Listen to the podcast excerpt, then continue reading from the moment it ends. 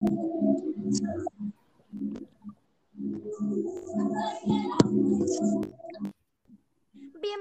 a este nuevo episodio de Mundo Esperanza.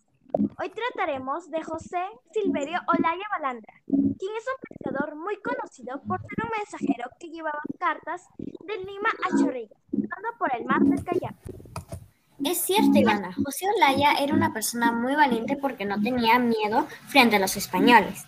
Él nació en 1782 en Lima, Perú, y falleció un 29 de junio de 1823, exclamando esta hermosa frase: Si mil vidas tuviera, gustoso las daría por mi patria. José Olaya es, exclamó esta hermosa frase. También en el hecho de su muerte nunca reveló su misión y prefirió traerse las cartas. Fue muy fiel al hacer este acto heroico, por eso es recordado como mártir de la independencia del Perú. ¡Wow! Son datos muy interesantes. ¿Qué nos dices tú, Victoria?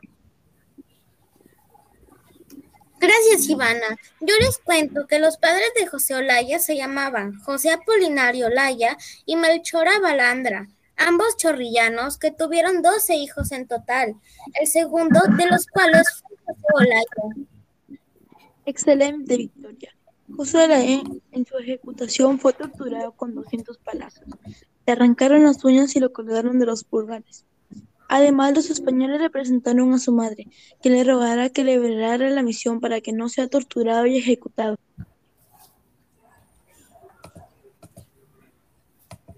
En conclusión, este podcast ha servido para honrar a José Olaya por su gran valentía y su gran valor.